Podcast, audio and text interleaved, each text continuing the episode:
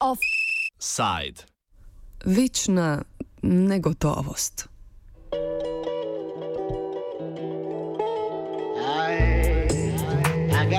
Skoraj da enoletna pogajanja med ameriško vlado in predstavniki afganistanske vlade ter talibi so po besedah predsednika Združenih držav Amerike mrtva. Tako je dejal Trump, ki je odpovedal dosedaj aktivni sestanek v Camp Davidu. Uradna ameriška razlaga je, da so pogajanja preklicali zaradi nedavne smrti ameriškega vojaka, ki je umrl v samomorilskem napadu talibov v Kabulu. Ameriška vlada tako trdi, da nezmožnost talibov, da bi ohranili mir med pogajanji, kaže njihovo nepripravljenost na sklenitev mirovnega dogovora.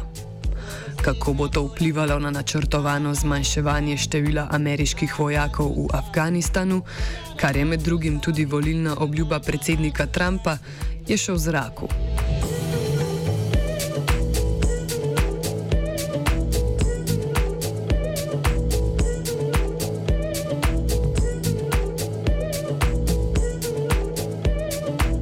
Znan pa je odziv tiskovnega predstavnika talibov Zabihulaha Mujahida, ki trdi, da bo Trump svojo odločitev obžaloval. Citiramo: Imeli smo dve možnosti, da se konča okupacija v Afganistanu, ena sta bila džihad in boj, drugi pa pogovori in pogajanja. Če Trump želi ustaviti pogovore, bomo izbrali prvo možnost in kmalo bodo to obžalovali. Konec citata. Ne na zadnje so talibi nedavno od afganistanskih vladnih sil prevzeli središče province Tahar na severu Afganistana, 18 let po začetku konflikta, ki ga je sprožila ameriška invazija, pa državna vojska nikakor ne uspe vzpostaviti reda in miru v mestih, kaj šele na območju celotne države.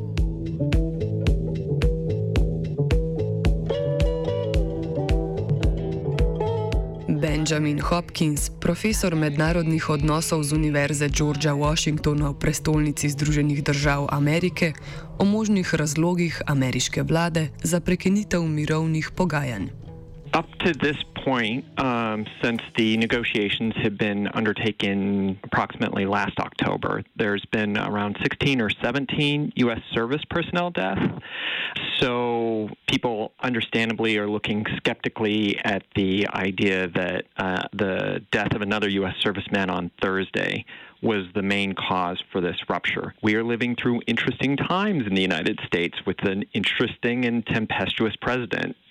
So, whether or not he did it because uh, the death of a U.S. serviceman, or probably because he does not pay much attention to this issue, and when it was brought to his attention, um, he reacted gutturally. I, I, don't know, but I would say that. Um, in a way, it's not surprising because given the outlines of the peace deal that have emerged, uh, they don't seem to address the fundamental fracture lines within the American government, which have always been there.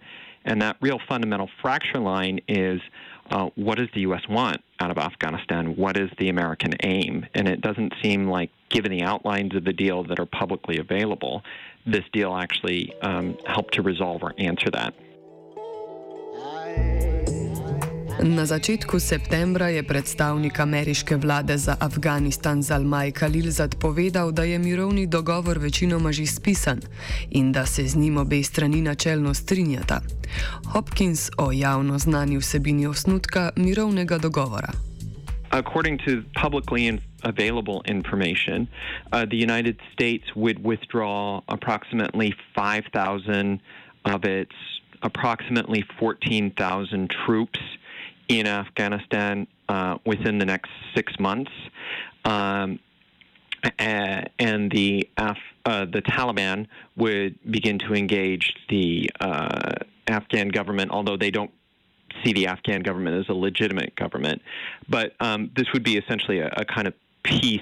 Um, uh, peace building exercise that the Taliban would engage in good faith efforts, and the United States would begin a withdrawal, with the aim, I think, being to withdraw totally uh, within 16 months, which is a cycle driven completely by the American electoral uh, calendar because it would withdraw American troops approximately at the time of the next presidential election.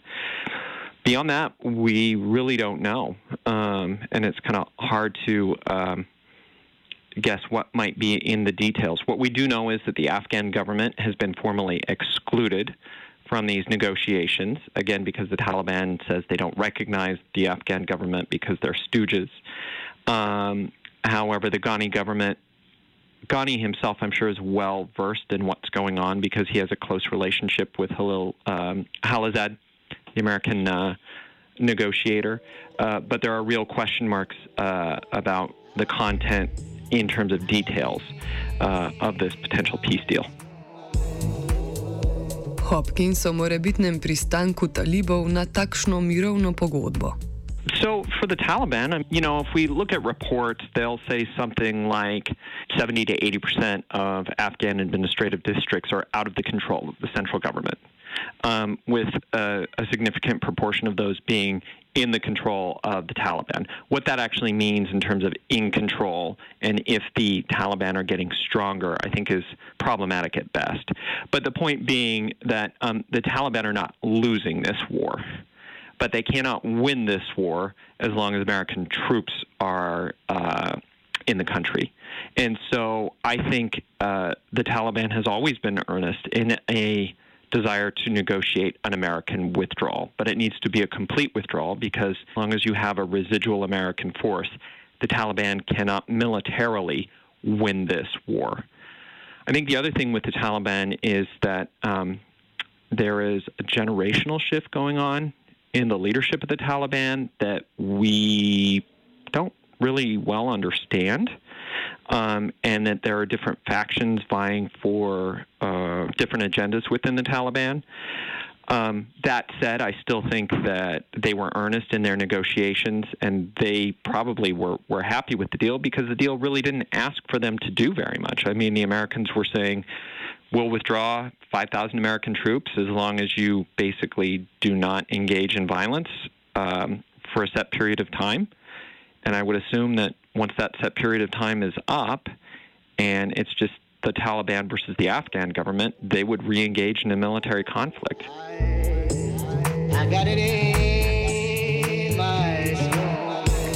Ali bi ameriška vlada takšen dogovor podpisala? Well, I don't see where the deal gets you because all it is essentially saying is the United States is going to withdraw 5,000 American troops. And what we know is Josh Bolton is over in the White House saying you can do that without the deal because you leave 10,000 American troops there. I do not see the Americans going below, say, 5,000 American troops in Afghanistan because the Kabul government will not collapse as long as you have a residual American force in the country. Um, and I do not see the Americans even in a push to withdraw, willing to watch the Kabul government collapse. Hopkins predstavi ključni in dolgotrajni problem ameriške politike do Afganistana in različnost mnen znotraj ameriške vlade. I don't think the Americans are clear on knowing what they want. I think that they want to get out, but they don't know how to get out because they want to get out without looking bad. Um, and there's kind of no clear exit in order to do that. I mean, I've always looked very skeptically upon this process precisely because in order to negotiate uh, a withdrawal, the United States would have to clearly articulate what its aims are in Afghanistan and how a withdrawal will help to accomplish those aims, or if those aims have been accomplished and therefore uh, it's time to withdraw. I mean, what we are hearing in the press are reports of a split between Mike Pompeo, the Secretary of State, um, and uh, Josh Bolton, who is the uh, national security advisor, who are arguing about the idea that the American aim in Afghanistan is almost purely a counterterrorism one, i.e., to stop, to ensure that that no recurrence of something like September 11th ever happens again. But there's other others in the administration that have long viewed the American presence in Afghanistan more broadly, that it's not only a counter-terrorism undertaking, but it's also a counterinsurgency undertaking. And so I think part of the breakdown of these peace talks is reflective of the lack of agreement within the American policy circles about what American aims are in this war.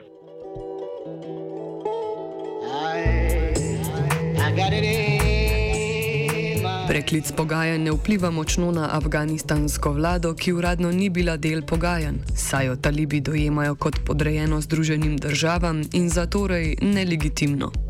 Vseeno bo preklic pogajanj sprožil nekatere takojšnje posledice. Predsednik Ashraf Ghani je zgolj nemočno pozva pozval k miru. Not much. I think they were lukewarm at best about this peace negotiation. But at the same time, Ghani in particular did not want to appear the spoiler. Um, he didn't want to come out against these peace negotiations. I mean, the, the immediate impact of this is there is supposed to be a presidential election at the end of the month, which I would assume at this point will probably be pushed back or delayed using the excuse of the collapse negotiations.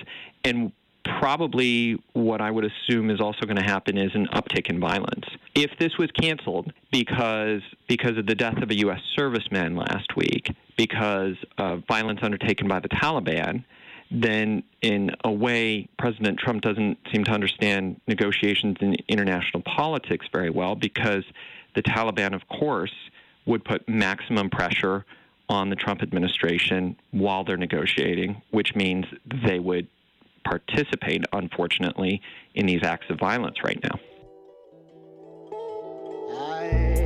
V 18 letih vojne v Afganistanu je ameriška vlada že večkrat začela in preklicala pogajanja s talibi. Prav tako je število vojakov v Afganistanu naraščalo in padalo, odpoklic vojakov iz Afganistana pa predsednik lahko izvede enostransko. Zmanjšanje števila vojakov je bilo ena izmed številnih obljub predsedniškega kandidata Trumpa leta 2016. Ali je umik dela vojske iz Afganistana na obzorju? That is completely possible. And I don't think that you would need negotiations to do that. I mean, you could unilaterally order that. Under this administration, as under previous administrations, the troop level has gone up and down. Um, so I could totally see as we move into the election cycle, uh, him making public pronouncements about the the withdrawal of American troops. But you know, the other thing that happens when American troops get withdrawn, and there's publicity about the withdrawal of American troops, are um, uh, the tempo of the war increases in other ways. So drone strikes and the drone war uh, often ticks up. Um, and clandestine operations, not by the U.S. military, but by other parts of the U.S. security apparatus, also tick up. So, in a way, saying we've withdrawn 3,000 American troops doesn't really say a whole lot if you don't look at that larger picture, what is going on with that withdrawal. Vprašanje je le, ali bi umik dela vojske, glede na nezanimanje ameriške javnosti za afganistansko vojno, sploh pozitivno vplival na predsedniško kampanjo Donalda Trumpa. Za zaključek Hopkins oceni dolgoročno prihodnost mirovnih pogajanj. Removing this administration, the Trump administration, from the uh, from the equation, because the Trump administration and this president create a, a lot of light, as it were, without generating much heat. And I think if we remove that issue and we kind of look at the at the long term trajectory of the American presence in the American war in Afghanistan, this is not the first time um, negotiations have taken place. This is the furthest negotiations have ever gotten, right? Um, but under previous administrations, there had also been attempts at a negotiated withdrawal.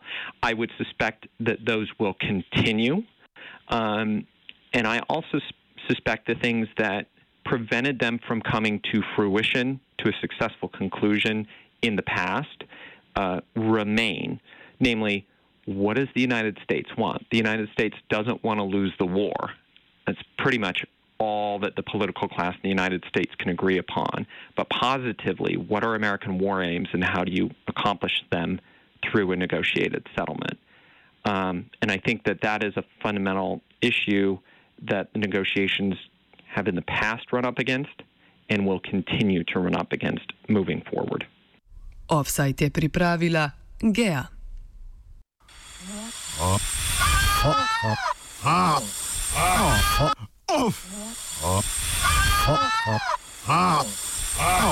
Offside.